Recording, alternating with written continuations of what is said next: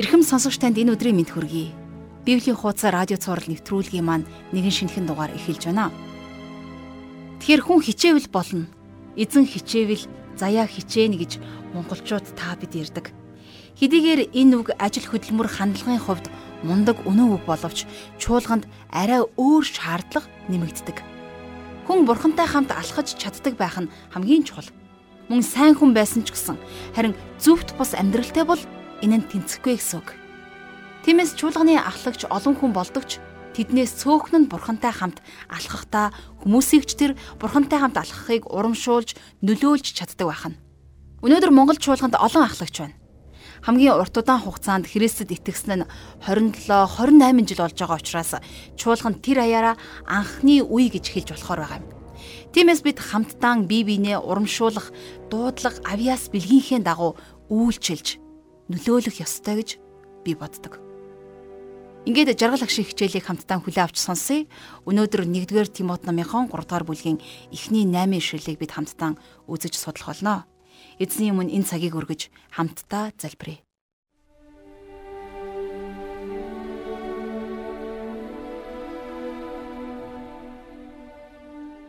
Бурхан эзэн минь, таньдаа талархал магтаалыг өргөж байна.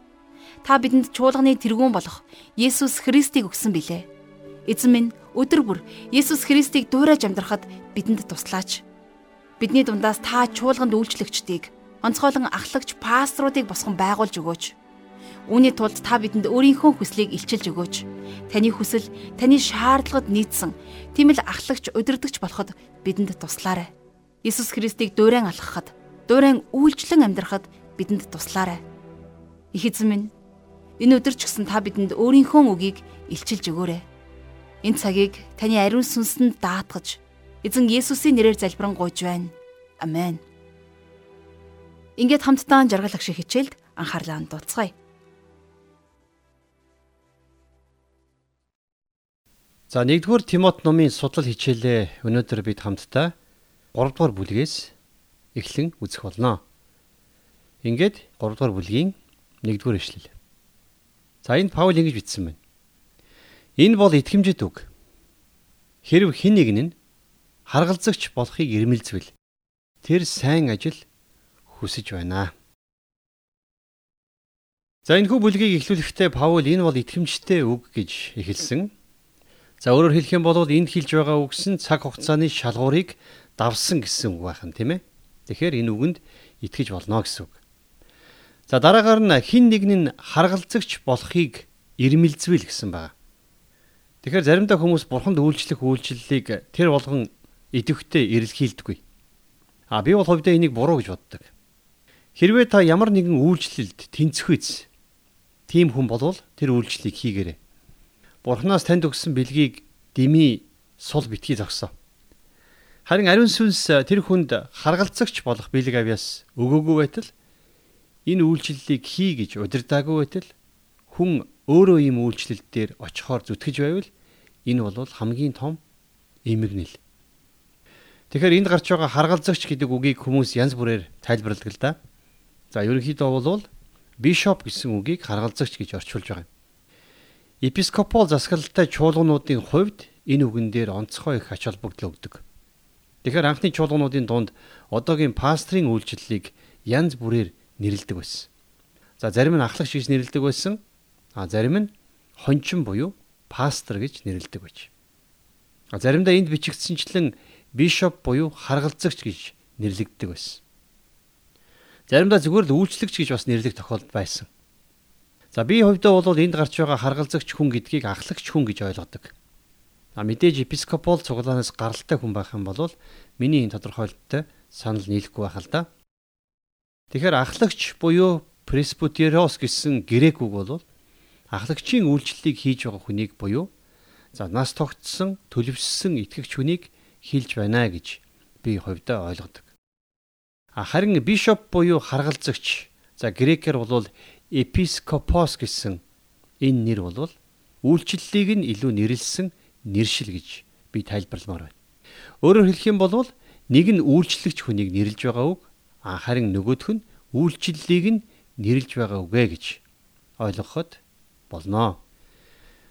За анхны чуулгануудын хувьд гэх юм бол харгалзагчт нь бусад харгалзагчдыг захирах эрхтэй байгаагүй. За өөрөөр хэлэх юм бол өөрийнхөө чуулганаас өөр бусад чуулгануудыг бол захирах эрх мэдэлтэй байгаагүй гэсэн үг. Библиэл дээрээс бид нар ийм жишээг олж харахгүй. За тэрч битгий хэл маш олон чуулгануудыг тарьсан Паул өөрөө хүртэл өөрийгөө харгалзагч гэж нэрлэж байгаагүй. Тэгэхээр ахлагч удирдахч хүн болвол чуулганд үйлчлэх ёстой хүн болохоос чуулганыг захирах ёстой хүн гэж эндүрч ердөөсөө болохгүй. За дараагаар нь Паул тэр сайн ажил хүсэж байна гэж хэлсэн байна тийм ээ. За өөрөөр хэлэх юм бол харгалзагч болох тэр хүн чуулганд үйлчлэхийг хүсэж байгаа гэсэн үг юм. За ингээд 2 дугаар ишлэл дээр Тимээс харгалзагч нь өөсөвгүй нэг их нэрийн нөхөр бие барьдаг хэрсүү, хүндгэгдсэн, зочломтгой ба заах чадвартай гэж. За энд бол бид нар ахлагч хүнд байх ёстой шалгууруудыг харж байна. А энд болохоор хамгийн ихэнд өөс сэвгүү гэж бичсэн байна. За тэгэхээр энд нэг зүйлийг бид нар ойлгох хэрэгтэй л дээ. Хэрвээ бид нар бурхны өмнө үйлчилж байгаа бол гарцаагүй хүмүүсээс буруутгалыг авах болно. Хамгийн чухал нь биднийг буруутгасан тэр буруутгал үнэн байж болохгүй. Өөрөөр хэлэх юм бол тэрхүү буруутгалын дагуу ямарваа нэгэн буруу зүйлийг бид хийсэн байж болохгүй гэсэн үг шүү дээ. За энэ ч утгаараа ахлагч хүн бол өөрийг нь буруутгах альва буруутгалд буруутан хүн байж болохгүй л гэсэн үг. Үнэхээр пастор ахлагч хүн өөрийнх нь талаар гарсан хов яриа. Буруутгал болгонд хариулт өгөх гэж хөөцөлдөх юм бол мэдээж цаг зав нь ханаач хүрэхгүй. Харин зөвхөн бурхны үгийг дамжуулах ажилдаа л онцгой ач холбогдол өгдөг байх ёстой. Өөрийг буруутгаж байгаа тэр бүх буруутгал худлаа гэдгийг санахдаа харин ч баяр хөөртэй байх ёстой. Пастор ахлагч удирдахч хүнийг буруутгах буруутгал мундадгүй маа.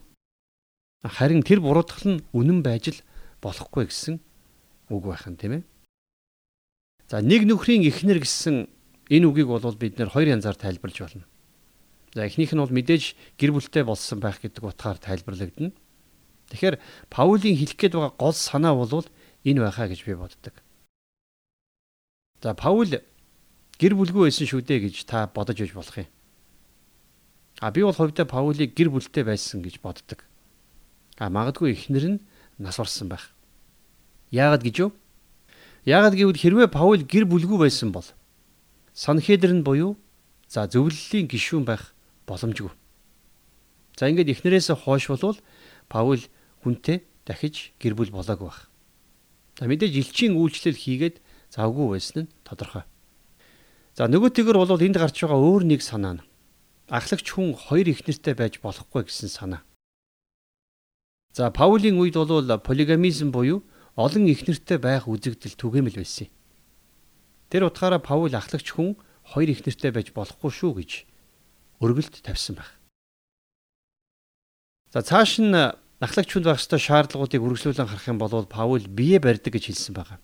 Тэгэхээр ахлагч хүн бол бие барьж чаддаг, тайван, хүлээцтэй хүн байх ёстой. Бие яаж барьж бусдын өмнө хэрхэн хүлээцтэй хандах вэ гэдгээ мэддэг хүн байх ёстой гэсэн үг байна. За дараагаар нь энд гарч байгаа хэрсүү гэсэн үг нь болохоор нухацтай, ажил хэрэгч, ухаалаг гэсэн утгаар орж ирж байгаа. Өөрийнхөө хийж байгаа үйлчлэлдээ хэрсүү ухаантай ханддаг байх ёстой гэсэн хэрвээ болгоомжгүй хайхрамжгүй харуулах юм бол мэдээж хүн өөрийгөө маш их асуудалд оруулах нь мэдээж. За ямар нэгэн болгоомжгүй хэл яриа болгоомжгүй үйлдэлээсээ болоод хүн хийгээгүй хэрэгтэй сэжиглэгдэж буруутгагдж өөрийгөө эвгүй байдалд оруулсан ахлагч удирдагчдтай бид нар цөөнгөл тааралддаг шүү дээ. За цааш нь харах юм бол хүндэтгэгдсэн гэсэн байгаа биз. Тэгэхээр ахлагч хүн бол зайлшгүй бусдын хүндэтгэлийг хүлээсэн хүн байх ёстой. За зочломтгой байх ёстой гэж Паул хэлсэн байна. Өөрөөр хэлэх юм бол ахлагч хүн зочломтгой хүн байх ёстой гэдгийг Паул сануулсан байна. Зан сайтай айлд хүн бүхэн цуглана гэсэн Монгол ардын сайхан үг байдаг. Бид нар бие биендээ зочломтгой ханддаг байх хэрэгтэй. За тэр тусмаа ахлагч хүн зочломтгой байх хэрэгтэй байх нь. За заах чадвартай гэж Паул дараа нь хэлсэн байна, тийм ээ. За би энэ чадварыг онцлмоор байна. Хэрвээ ахлагч хүн Бурхны үгийг заах чадваргүй болвол тэр хүн чуулганы ахлагч эсвэл пастрын үйлчлэл хийх шаардлагагүй гэж би хувьдаа үздэг. Бурхны үгийг үнэн зөвөөр заана гэдэг бол пастор алхагч хүний хамгийн чухал чадвар юм. За ингээд энэхүү жагсаалт 3 дугаар ишлэлээр цаашаа үргэлжилж байгаа. Хамтдаа үргэлжлүүлэн харъя. Дарсанд үл шимтгч, зодоонч биш, харин дүлгөн, хэрүүлч бус, мөнгөнд шуналгүй гэж. За харин одоо бол бид нар ахлагч хүнд байх ёсгүй сөрөг чанаруудын талаар үзэж эхэлж байна, тийм ээ. За хамгийн эхлээд э, дарсанд үл шимтгч гэж хэлсэн байна. За өөрөөр хэлэх юм бол ахлагч хүн архичин байж болохгүй л гэсэн үг. За энэ бол ойлгомжтой тийм ээ. За дараагаар нь зодоонч биш буюу за үүмэн самуун дэгдээдэг ч юм уу эсвэл хүчирхийлэлт дуртай нэгэн байж болохгүй гэсэн үг. За тэгээ цааш нь харах юм бол дүлгөөн хэрүүлж бус мөнгөнд шоналгүй гэж хэлсэн байна. За дүлгөөн хүн гэж ямар хүнийг хэлэх вэ? За мэдээж төлөв төвшин хүн гэсэн үг тийм ээ. За ярьж хөөрөхөд наан цаантай нэг тийм төлөв төвшин хүмүүс байдаг да. Тэгэхээр хэрүүлж бус цуглаан дээр байн хил хам гаргаж хэрүүл шуугаан дэгдэж байдаг тийм хүн болвол ахлагч байж болохгүй гэсэн үг. За мөнгийг хайрлагч хүн байж болохгүй гэсэн байна тийм ээ. Тэгээ Библиэлд бол их тодорхой хэлсэн байдаг л да. Мөнгийг хайрлах хайр нь бүх бузар муугийн үндсэ гэж. Тэгэхээр чуулганы ахлагч хүн өөрийнхөө мөнгө төргөнд ухаалаг хандахгүй болвол өөрийнхөө төдийгүй чуулганы мөнгө санхүүд аюул учруулах боломжтой байдаг.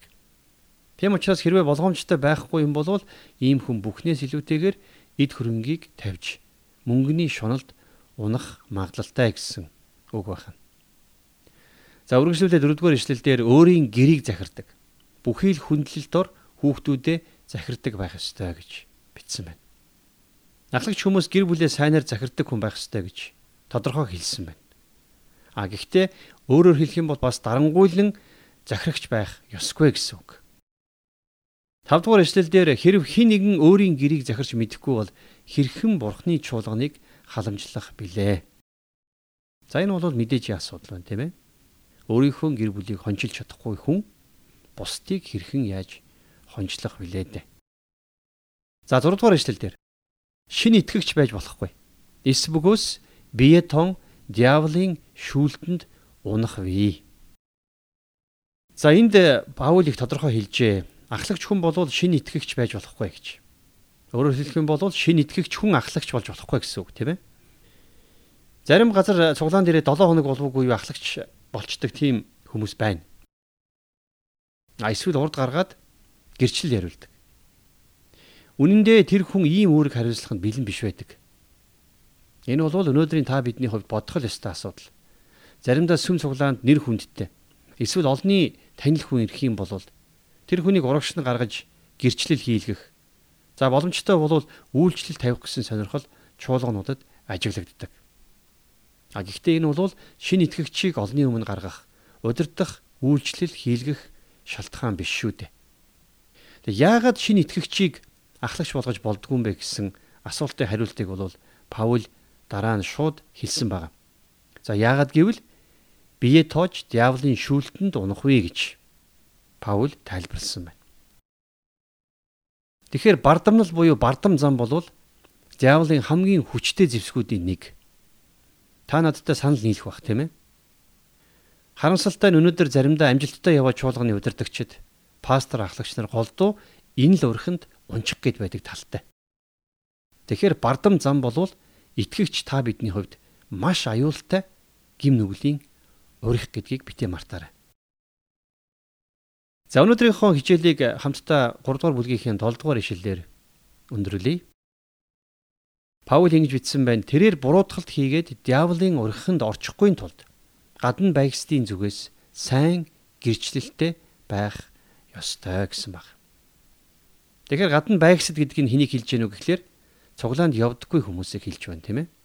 За өөрөөр хэлэх юм бол хэрвээ тэр хүн гадна байгсдын буюу итгэдэггүй хүмүүсийн өмнө муу нэртэй болвол за жишээлх юм бол өр төлбөрөө ч юм уу цаг хугацаанд нь төлдөггүй итгэмжгүй хүний итгэлийг алдсан худалч хүн болвол цуглааны ахлагчийн үүрэгт зогцохгүй гэсэн үг. За эстгэх юм бол энэ хүн диаволын урханд орж Христийг ихээс илүүтэйгээр диаволын төлөөлөгч болж хувирна гэдэг санааг л Паул Тимотед зөвлөгтөө бичсэн байна. За мэдээж эдгээр бүх заавар зөвлөгөөнүүд өнөөдөр та бидний амьдралд ч гэсэн за практик утгаараа маш тустай гэдгийг битгий мартаарай. Ингээд эрх хичээлээр эргээд уулзъя. Тэгэхээр хичээлийг зааж тайлбарлаж өгсөн жаргал агштай баярлалаа. Христийн чуулганы ахлагч байх нь хариуцлагатай үүрэг болохыг өнөөдрийн хичээлээр бид хамтдаа сурч авч байна. Чуулганы ахлагчдын хамгийн их ярддаг зүйл бол өөрийнхөө сул дорой байдлаас олж хүмүүс үгийг нь сонсохгүй байхыг л харах гэдэг. Өөрийнхөө чадаагүй зүйлээс болоод бурхныг хүмүүс буруу ойлгох хэцүү байдаа гэж гэрчлэн ярьдаг. Хэдийгээр хүн юу бодох нь эрхийн асуудал ч гэсэн өнөөдөр ахлагчдаар үйлчилж байгаа хүмүүс өөрсдийгөө нэгүслэр амьдрч үйлчилж яваагаа мэддэг. Тиймээс чуулганы удирдагчдад өгсөн зааврыг бүгд уншихаар нээлттэй тавьсан Бурхан эзний ахлагчдын төлөөх зүрхсэтгэлийн илэрхийлэл юм. Та нарын дунд үйлчилж байгаа хүмүүсээс Бурхан эзэн чинь ямар их зүйл шаардаж өөрүүлж байгааг хараасаа гэсэн утга явж байгаа юм. Эргэн тойрондоо байгаа Бурханд үйлчилж байгаа тэдгээр ахлагчдын төлөө залбираарай. Тэд үргэлжил өөрийн улс гүрэн ард түмэн мөн та бидний төлөө залбирч байдаг. Өнөөдрийн хичээл маань энэ хүрээд өндөрлөж байна. Хамтдаа хэсэг хормыг залбиралд зориулж эзний нүүр царайг эрэлхийлцгээе. Эзэн Иесусээ таньдаа талархал магтаалыг өргөн залбирч байна. Та бол чуулганы цорын ганц тэргүүн билээ. Та чуулганы ахлагч удирдагчдад тодорхой шалгууруудыг тавьсан нь таны бие болох чуулганы төлөө гэдгийг бид өнөөдөр сурч авлаа. Эзэн минь, Бурхан минь, үнэхээр та бидний дундаас сайн харгалзагчдыг, итгэлийн сайн нэруудыг, ахлагчдыг босгон байгуулж өгөөч. Өнөөдрийн бидний үдсэн шалгууруудыг хангах тийм л сүнслэг удирдгчдыг та олноор нь бидний дундаас босгон байгуулж өгөөрэй. Эзэн минь та ариун сүнсээрээ биднийг удирдан дагуулаарай. Биднийг өдр болгон ариун сүнсээрээ та удирдах, таны үгэн дотор алхахад бидэнд туслаарай. Бид таны амар амгалангийн, таны хайр ивэл нэгүслийн моторт өөрсдийнхөө бүхий л ахлагч удирдгчдыг сүмчуулганы үйлчлэгчдийг таны моторт өргөн даатгаж байна. Эзэн минь, бурхан минь, та алив бүхнээр та тэднийг хангаж дүүргэж чуулганы төлөө, чуулганы итгэгчдийн төлөө, хаанчлалын төлөө үнэхээр бүх зүйлээ дайчлан зориулан үйлчилж байгаа тэдгээр хүмүүсийг алив бүхнээр та дүүргэж өгөөрэй. Зүрхсэтгэлийг нь баяр хөөрөөр, сэтгэл санааг нь амар тайвнаар мөнхийн эзэм нь амьдрал ахуугийн та алив бүхий л хангалтуудаар та дүүргэж өгөөрэй. Бүх зүйлийг танд өргөж эзэн Есүсийн нэрээр залбирanгуйж байна. Амен.